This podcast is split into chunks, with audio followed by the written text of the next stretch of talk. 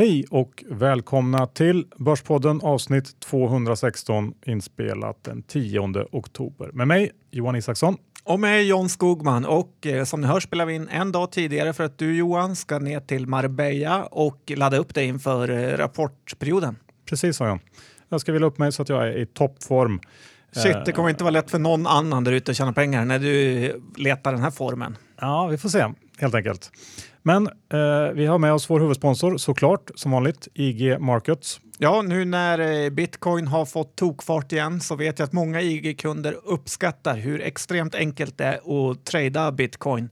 Nästan alla dygnets eh, vakna timmar kan man göra det. Så det är väldigt bra. Dessutom finns det ju oerhört många andra aktier man kan handla där och bra belåning, vilket även såklart ger risk. Men gå in på IG, se om appen är något för dig och börja trada via konto. Det är väldigt kul. Så är det. Idag John kommer vi att snacka lite om eh, bostadsmarknaden. Har den toppat eller inte? Ja, vi får se. Ja, det tror jag inte man behöver lyssna så länge innan man förstår vad vi tycker där. Nej, eh, vi har också lite om Elon Musk och eh, en hel del inför den kommande rapportperioden. Så det känns som ett eh, matigt avsnitt, precis som vanligt. Ja, jag har letat fram ett case också. Härligt. Innan vi kör igång så ska vi också säga några ord om Lendify som också sponsrar Börspodden. Lendify har faktiskt tagit in ytterligare 100 miljoner kronor i en obligation och eh, genom att ta in institutionellt kapital så kan eh, Lendify göra större volymer vilket då innebär egentligen då ett bättre erbjudande för alla privata investerare. Eh, det är nämligen så att insättningar gjorda från och med 15 september i år de kommer att spridas på fler lån. Så enligt de här nya riktlinjerna så fördelas investeringar på över 10 000 på 30 lån Eh, de på 50 000 på 40 lån. Om man investerar 100 000 så blir det 50 lån och investeringar på över en miljon fördelas på 100 lån. Ja, det blir ju fruktansvärt bra riskspridning med den här eh, fördelningen. Det ska man komma ihåg. Ja, kul att se att Lendify hela tiden går framåt och förbättrar erbjudandet. Nu kör vi igång veckans avsnitt.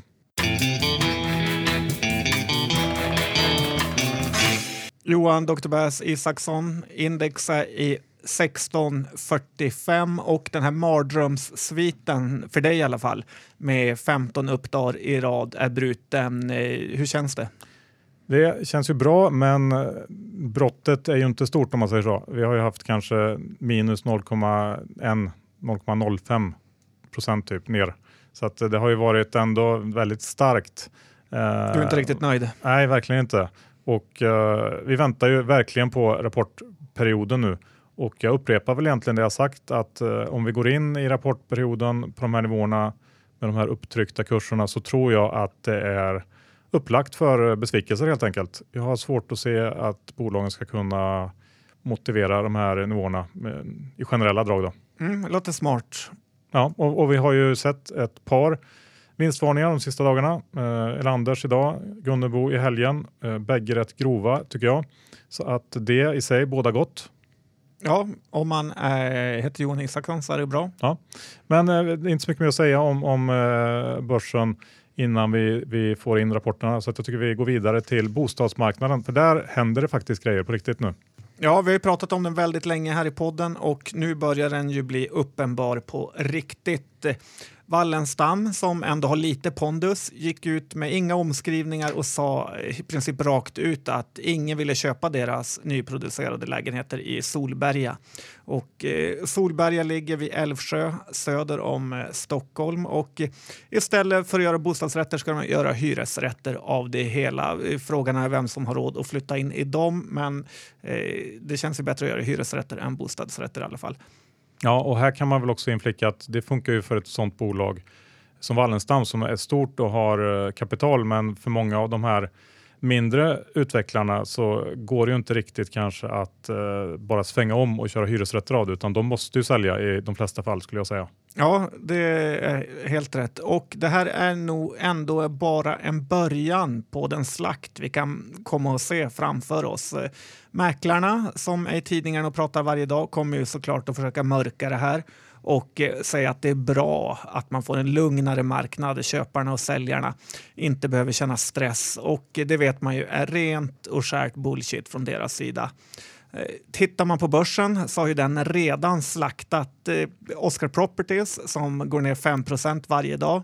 Eh, det blir inte bättre av att deras ordförande i princip sitter i finkan och sen har ju de här Torstorn i Vasastan som det snackas lite om att eh, det börjar ju kännas som ett makalöst uselt eh, projekt nu. Alla som är i branschen pratar om hur dyrt det är att bygga på höjden och eh, marknaden är nog livrädd för det här projektet. Skulle de på något sätt komma ur det här eh, Torstorn-projektet så skulle nog aktien kunna gå upp en hel del.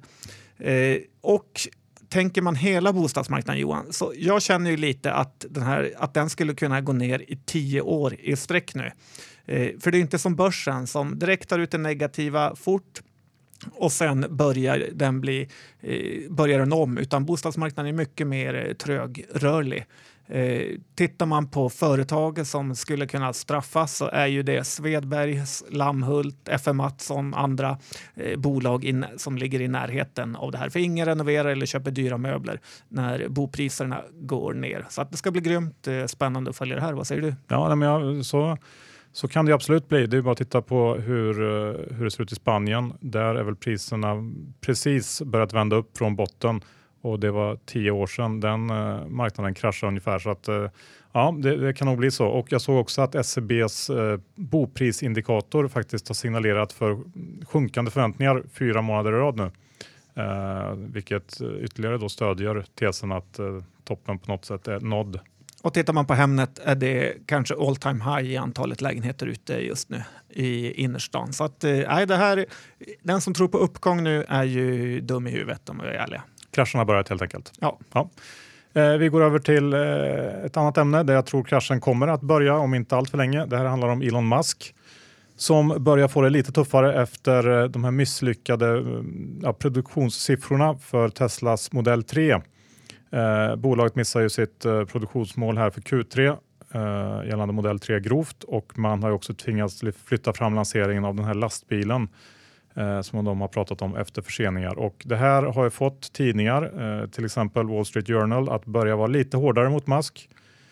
Eh, man har bland annat börjat granska de många uttalanden som eh, Elon Musk har gjort och kommit fram till att flera av dem faktiskt inte stämmer alls.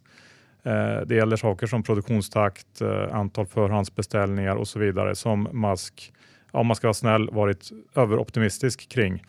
Om vi tar till exempel eh, modell 3 eh, så lovade ju eh, Elon så sent som för två månader sedan att producera 1500 stycken under Q3, vilket då han missade med 80 procent och då är det ja, två månader som, som det gällde. Så att det här ser väl i början ut som småsaker kanske, men det kan ganska snabbt tror jag bli någonting mycket större. Speciellt med tanke på de enorma förväntningar som finns på Tesla och det faktum att bolaget bränner sinnessjuka mängder eh, kapital varje kvartal. Och eh, då funkar det inte riktigt att lova saker som man inte kan hålla. Eh, det här bolaget är ju extremt beroende av fortsatt välvilliga investerare och att hypen kring Tesla och att de kan massproducera modell 3 lever. Eh, men jag tycker att det ser mer och mer ut att vara en, en pipe dream som man säger i staterna. Så att eh, Tesla eh, börjar jag bli väldigt negativ kring. Ja, det låter helt rätt. Att de bara lyckas producera några hundra bilar är ju otroligt. Och, eh, Dessutom framkom det ju att många delar var handgjorda, vilket kanske inte riktigt är sådär jätte high tech. Ja, det är lite som samerna Johan. Det är mycket handgjort. Ja, bra liknelse kanske. Men nu lämnar vi det John och går över till roligare saker. Det är nämligen så att vi har fått in en jobbannons ifrån Grenspecialisten. Det låter ju fantastiskt kul. Ja, eh, för er som inte känner till dem så är det ju eh, Martin Grens eh, Family Office och det är så att Grenspecialisten söker just nu en junioranalytiker som kommer att vara baserad i Malmö där han får sitta och jobba tillsammans med likasinnade personer. Det är alltså en strukturerad aktieanalytiker som de är ute efter som är antingen civilingenjör eller civilekonom. Fokuset kommer att vara på små medelstora aktier och eh, kanske eh, även obligationer. Tycker man att det här låter intressant då ska man ha med sig att sista ansökningsdag är 29 oktober och eh, i ansökan så ska man referera till eh, börspods avsnittet med Martin Gren och eh, för mer info om just grenspecialisten och den här tjänsten så kan man gå in på eh, grenspecialisten.com helt enkelt. Och ja, hade jag varit junior så hade jag direkt sökt det här jobbet. Ja, det låter ju som ett eh, fruktansvärt bra jobb faktiskt. Hade jag varit tio år yngre och duktig så hade jag sagt det. Ja, jag med.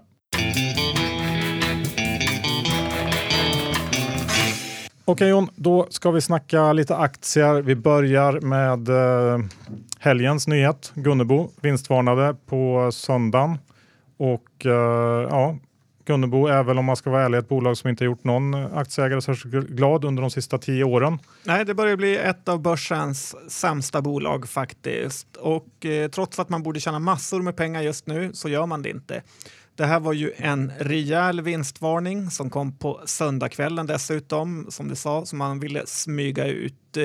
Gunnebo-aktien är ju lite svår att förstå sig på och eh, det känns som att många nästan visste om den här vinstvarningen för jag tycker annars att aktien borde gått ner med ännu mer än de här 8 procent.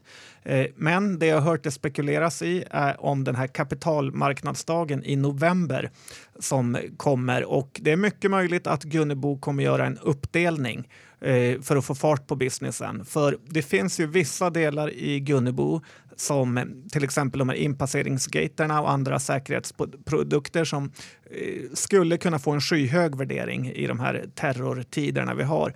Men deras avdankade eh, Loomis-spel med kassaskåpsförsäljning och autom uttagsautomater eh, kanske inte ska värderas så högt. Så att eh, delar man upp det här bolaget så kan man nog få lite värde och eh, eh det är väl det enda köpläget som man skulle kunna se här, säger jag. Ja, jag håller nog med och, och, det kanske är så att som du säger att det spekuleras i det. Det har ju varit eh, märkligt hög volym efter den här vinstvarningen och tittar man på eh, nu landar resultatet på, på 49 miljoner under Q3 jämfört med förra årets 91. Eh, jag har inte sett någon konsensus eller det finns väl inte riktigt men jag skulle gissa på att man i alla fall hade velat se ett resultat i linje med förra årets 91 om inte mer.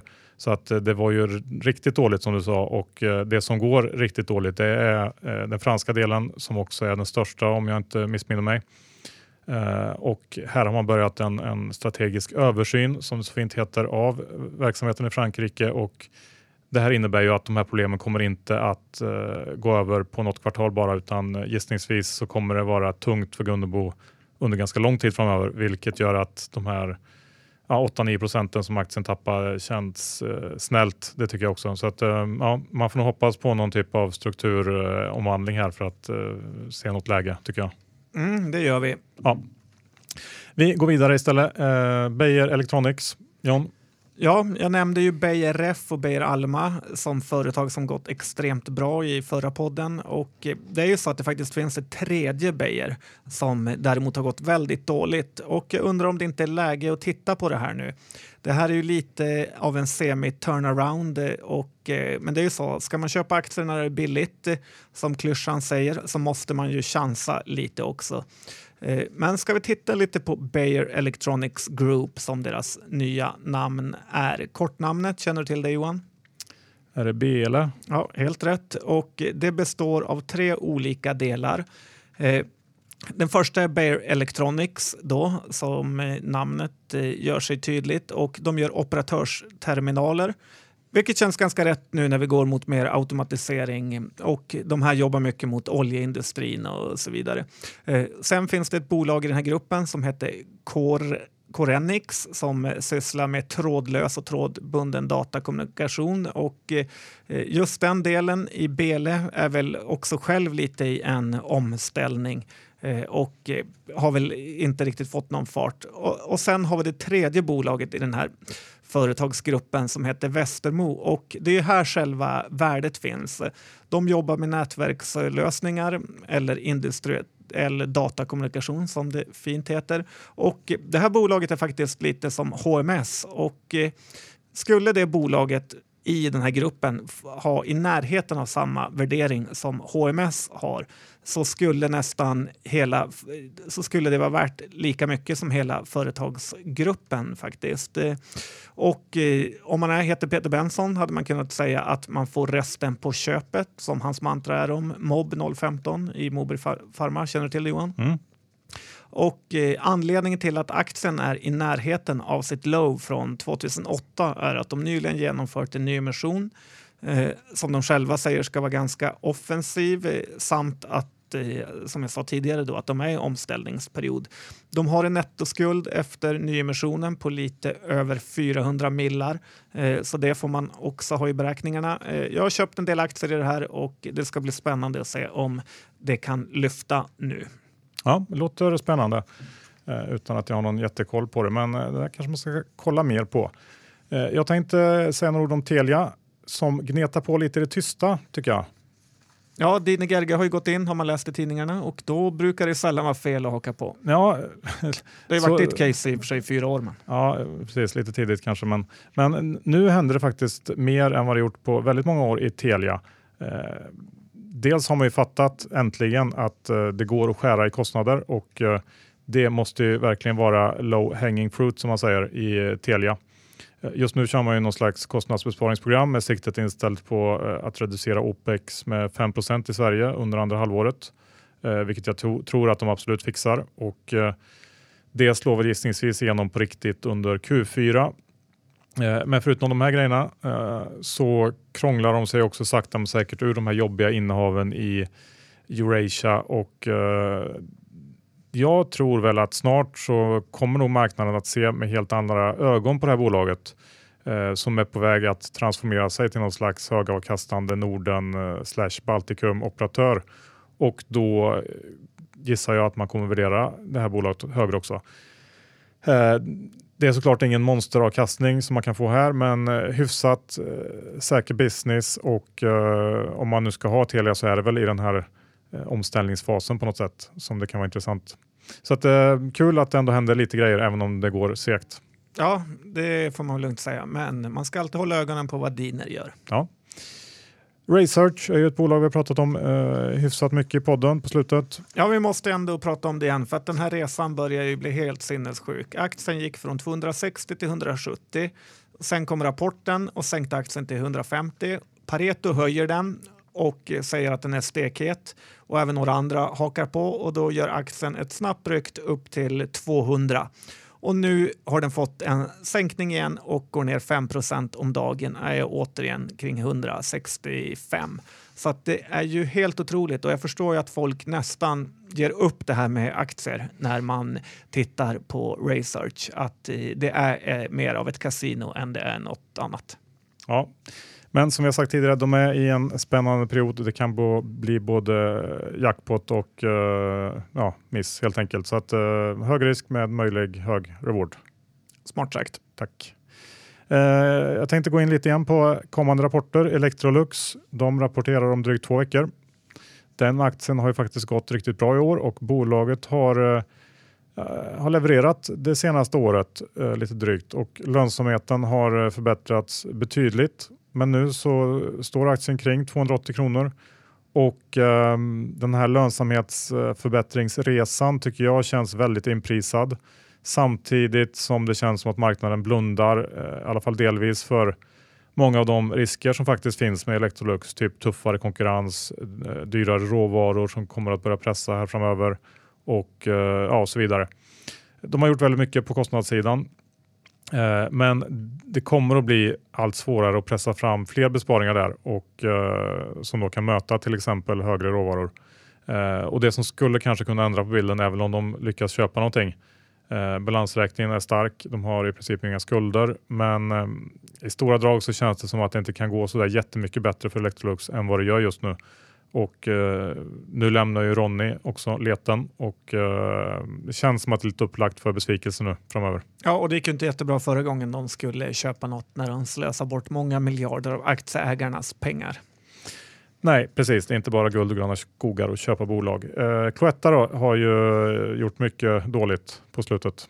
Ja, vad ska man säga? De har hamnat i en härva eftersom nästan hela ledningen i Cloetta har visat sig vara helt dishonest people som eh, passar på att sälja, insidersälja före den här vinstvarning. Och, eh, det jag tycker är intressant här är ju eh, att media och där tjafsar man mycket om att cheferna sålde innan eller efter det blev klart, blev klart att bolaget skulle vinstvarna. Eh, och Cloetta hävdar ju såklart att eh, de här cheferna som har sålt inte visste om det. Men det tycker jag i grund och botten inte spelar någon roll för att, eh, att cheferna utnyttjar att de visste att bolaget gick så mycket sämre än vad marknaden trodde och därför kunde de sälja på alldeles för höga kurser. Det är det som är själva grunden och det är ju rätt vidrigt gjort Eh, och sen att de inte hävdar att de visste om att det skulle bli en vinstvarning spelar ju ingen roll eftersom aktien skulle ju krascha ändå när rapporten skulle eh, släppas. Eh, den enda man får ge lite cred är väl Jakob Broberg här som är IR-chef på Cloetta som verkar visa stor lojalitet med sina anställda och skyddar dem ifrån media. Eh, oftast brukar man ju säga att folk kastas åt vargarna när alla vill rädda sig själva. Men eh, här är han och eh, skyddar dem även om de har gjort extremt fel. Ja, det känns som en riktig soppa hela det här Cloetta-caset just nu. Mm, inte god och glad i alla fall. Verkligen inte. Eh, vi går över till eh, fönstertillverkaren Inwido. Lite på temat eh, bygg och bopristopp. Men de kom ju med en rejäl kalldusch i samband med sin Q2. Då var det ju produktionsproblem i Sverige och tillfälliga säljproblem i Finland som man skyllde på. Q3 kommer väl om ungefär eh, två veckor, lite knappt tror jag. Och Eh, trots att de här problemen skulle varit lösta nu så läser jag att produktionsproblemen eh, fortsatt kommer att slå mot lönsamheten eh, ända in i 2018 faktiskt, eh, vilket ju känns sådär. Eh, och förvärv är också en viktig del i det här Inwido-caset. Eh, I veckan så genomförde de ett mindre sånt, men förvärven är också en sån faktor som håller tillbaks lönsamheten och eh, Även om värderingen är eh, relativt låg, eh, men i likhet med andra byggrelaterade bolag så är det svårt att se vad som ska ändra på det kortsiktigt tycker jag. Eh, dessutom så kommer man eh, hålla en kapitalmarknadsdag här i november där bolaget ska uppdatera sina finansiella mål och jag tror att det inte är alls omöjligt att de faktiskt sänker eh, till exempel lönsamhetsmålen just på grund av de här faktorerna vi har pratat om med förvärv och eh, ja, problem. Ja, och har vi problem med nybyggnationer så vill du inte äga en fönstertillverkare överhuvudtaget. Absolut inte. Eh, jag har också kikat lite på XXL, ett bolag som du inte gillar John. De, eh, den aktien ska jag säga har eh, studsat upp rejält sedan den här sommardippen vi hade från drygt 70 kronor som de var nere på till dagens ungefär 90. Och XXL har ju haft ett ganska tufft första halvår men nu under Q3 så har man slått upp dörrarna till de första butikerna i Österrike och eh, det är väl bara så att mycket i det här caset, eller allt nästan, hänger på den här expansionen utomlands och att den ska bli lyckosam. Eh, tittar man på vad som väntas i, inför rapporten här så räknar väl eh, analytikerna med att eh, de mer etablerade marknaderna, där ska like for like försäljningen växa med 3-4 procent, eh, vilket väl får vara, anses vara okej okay i alla fall, eller nästan bra kanske i en, en sargad retailvärld. Och värderingen baserat på nästa års estimat ligger kring ev-ebit 15-16 och för att vara retail så är det ganska högt ändå, eller väldigt högt får man nog säga. Eh, vilket igen tar oss tillbaks till eh, det vi börjar med, att utlandsexpansionen måste funka.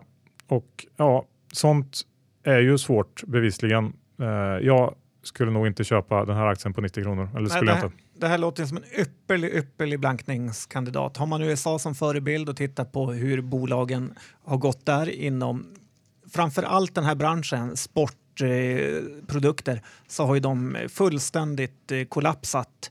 Så eh, ja, blanka XXL på 90 tror jag är en väldigt bra affärsförslag. Ja, det kan det vara. Uh när vi ändå är inne på, på retail-stråket eh, så tänkte jag säga några ord om IC Group. Har du koll på dem? Danska? Ja, Tiger har man ju några kallingar av, även någon halvsunkig kostym. Ja, eh, Peak Performance. Ja, det har, den är en av de jackor jag är allra mest eh, nöjd med faktiskt. Ja, det är så. Eh, Easy Group äger ju ett antal brands och då är väl just uh, Tiger och Peak Performance de som är mest kända, i alla fall för oss svenskar. Och den här aktien har gått lite halvknackigt sista året, uh, men tog ett skutt uppåt förra veckan när man gick ut med att uh, Peak Performance ska säljas. Och Peak Performance är då Easy Groups absolut viktigaste brand. Och man räknar med att en försäljning här borde inbringa motsvarande 50-60% av det nuvarande börsvärdet. Eh, och tittar man på eh, möjliga köpare så är det väl förutom riskkapitalaktörerna till exempel Phoenix Outdoor som är, är noterad i Sverige. Och, eh, jag tänker också finska Amer Sports skulle kunna vara en tagare.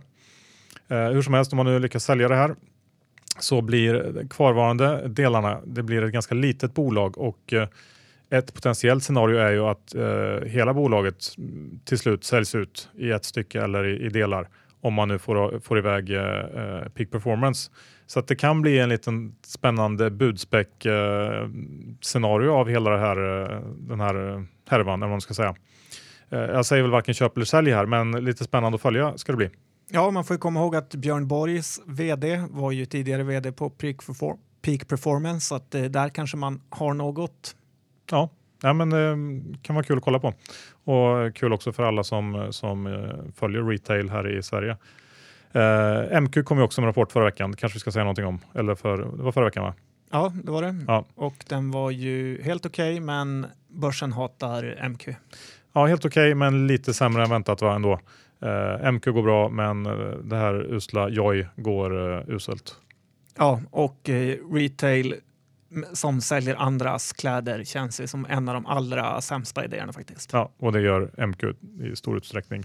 Det är inte dyrt, eh, aktien är inte dyr eh, och man får en hög direktavkastning, men ja, det är ju retail och eh, de säljer andras varumärken. Så det kanske bara ska vara så. Ja, nu. för det är svårt att förstå hur någon någonsin ska gå in på mq.se och köpa ett par Lee jeans. Lite så tänker jag i alla fall. Ja, fruktansvärt svårt. Vi går över till Netflix, John. Ja, Netflix har tagit nya all time highs och eh, nu har de ännu en gång visat vilken pricing power de, de har. Då de lyckats eh, höja priserna i USA med en dollar från 10 dollar till 11 dollar. Och eh, här kan man ju verkligen prata skalbarhet för att den här dollarn rinner ju rakt ner i Netflix eh, resultat resultat. De har inte en enda kostnad för att öka sina intäkter och det blir ju väldigt, väldigt stora pengar när man kan göra så här. Johan, jag vet ju du gillar ju inte Netflix och du kanske hatar det till och med. Så jag gillar Bottenlös. ju, får, nu får man ju skilja lite på saker här. Eh, jag gillar ju eh, tjänsten och, och det de gör, men jag tycker att det är alldeles för dyrt och det är ju faktiskt så att de tjänar ju inga pengar. Nej, men den här prishöjningen visar ju att de kanske är på rätt eh, väg och jag tror att den kommer ätas upp av nästa års ökade mm, programbudget. Ja, det är möjligt, eh, men det är i alla fall nytt all time high. Så kul att följa de som har trott på den här aktien. Ja, jag har uppenbarligen haft fel, men vi får se. Någon gång kanske. Eh, ska vi avsluta med eh, flygbolag SAS? Ja, men det ska vi göra, för SAS har ju annonserat en nyemission och det ligger väl helt enligt Börspoddens långsiktiga plan i det här bolaget. Det är ju att caset i SAS-preffen bara blir ännu bättre. Nu börjar det kännas helt självklart att de ska använda de här pengarna till att återköpa preffarna. Eh, frågan är bara hur det kommer gå till då den här nyemissionen inte ger riktigt klara besked, eh, då de inte säger något eh, överhuvudtaget egentligen. Eh, det kan ju vara så att det blir någon typ av Sagax-version där man antingen får ett nytt aktieslag och lite pengar emellan eller om man får pengar och kanske kvittar en del mot eh, stamaktier. Det är svårt att spekulera. Eh, I vilket fall så är det ju relativt med 90 procent säkerhet säkra pengar att köpa SAS-preffen nu och under 550 kronor. Man har två utdelningar kvar, alltså 25 spänn och man får återköp på 525 och aktien står nu i 540. Så, och det här bör ske i februari. Så att eh, man kan lugnt och tryggt ligga kvar. Och tittar man på den amerikanska sidan, Johan, så är ju flygbolagen i hetluften där. Chefen för United Airlines sa att eh, nyligen att han trodde aldrig mer att ett flygbolag eh, skulle förlora pengar eller hans flygbolag. Och eh, de är nu, numera så stabila att eh, de, och de har också fått de här möjligheterna de sista åren att ta betalt för saker på ett helt eh, annat sätt än kanske för tio år sedan. Eh, nu kan de ju ta betalt för bagage, dryck, kaffe och det här Fastline och allt vad det heter för att få bättre intäkter. Dessutom är det så att de fyra största flygbolagen i USA har ju 80 procent av marknaden och eh, även här i Europa kan vi se hur de stora flygbolagen gynnas. SAS går ju ganska bra nu. Finnair har gått upp ungefär 170 procent bara i år. Medan de här mindre bolagen, typ Monarch, Air Berlin och allt vad de heter, verkar gå i putten. Eh, Buffett har ju förstått det här länge och köpt in sig och, och det intressanta är att värderingarna är fortfarande väldigt låga i den här sektorn, mellan P7 och P10 och eh, skulle marknaden börja gilla de här casen mer och mer så har man ju flera års eh, långsam uppvärdering framför sig. Förut var ju dessutom här terrordåden en stor grej. Att eh, händer det något så slutade folk att flyga, men eh, numera känns ju världen helt avtrubbad eh, för det och eh, det är väl kanske med rätta eftersom chansen är ändå enormt liten att bli sprängd i luften. Ja. Jag vet inte vad som skulle kunna stoppa flygplan. Kanske någon slags oväntad eh, monster oljeuppgång i priset där. Ja, det är också det som har eh, spett på deras optimism. Att eh, det verkar inte finnas någon liksom, trigger för stora uppgångar i oljepriset, vilket tidigare har varit en extrem oro för oljebolagen. Och kanske en dag har vi självflygande flygplan och då ska vi skratta åt alla piloter, Johan. ja, det ska vi göra.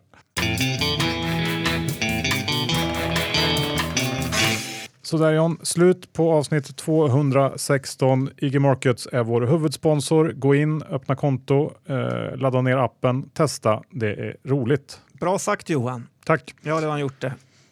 Och eh, glöm heller inte Lendify som också sponsrar Börspodden. De har förbättrat villkoren för alla privata investerare. Ni hörde det tidigare.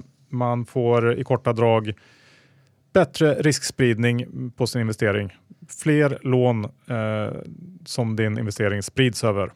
Ja, så är det ju och eh, det är kul att se hur de alltid är på tårna. Ja, väldigt kul. Lendify.se. Och eh, missa för guds skull inte att skicka in en ansökan till grenspecialisten. Eh, årets kanske, eller antagligen, mest spännande jobb. Eller hur John? Ja, det är ju ett jobb man verkligen skulle vilja ha och det låter ju väldigt kul att jobba på ett family office, nästan ja. lite tv-serieaktigt. Ja, och det är ju skönt också att få en lite mer oreglerad miljö till skillnad från bankerna och de andra stora drakarna. Eh, men som sagt, junioranalytiker i Malmö, civilingenjör eller civilekonom, fokus på små och eh, mellanstora aktier. Sista ansökningsdag är 29 oktober och eh, glöm inte att referera till Börspods avsnittet med Martin Gren. Vill ni läsa mer om det här så gå in på grenspecialisten.com. Bra Johan, nu är det väl dags att säga vad du har i din lilla väska. Uh, ja, jag har ju inget av bolagen vi har pratat om idag. Hur är det med dig John? Ja, jag har ju ett gäng Beijer Electronics och uh, sen har jag faktiskt uh, lite, lite Oscar Properties som jag är så mycket back på aj, nu aj, så aj, att jag inte ens vill sälja dem. Ta stoppen då. Jag borde, men jag vill eh, lida lite varje dag. Riktigt, det är riktigt usel investering av det skulle jag säga. Ja, tack. De är köpta på 80 så. SAS-pref då? Det har du inte? Jo. Nej, de har jag sålt. Okay. Bra, men då eh, tackar vi för oss så hörs vi om en vecka igen. Ja, tack så mycket och eh, Hej då. ses om en vecka. Mm. Hej!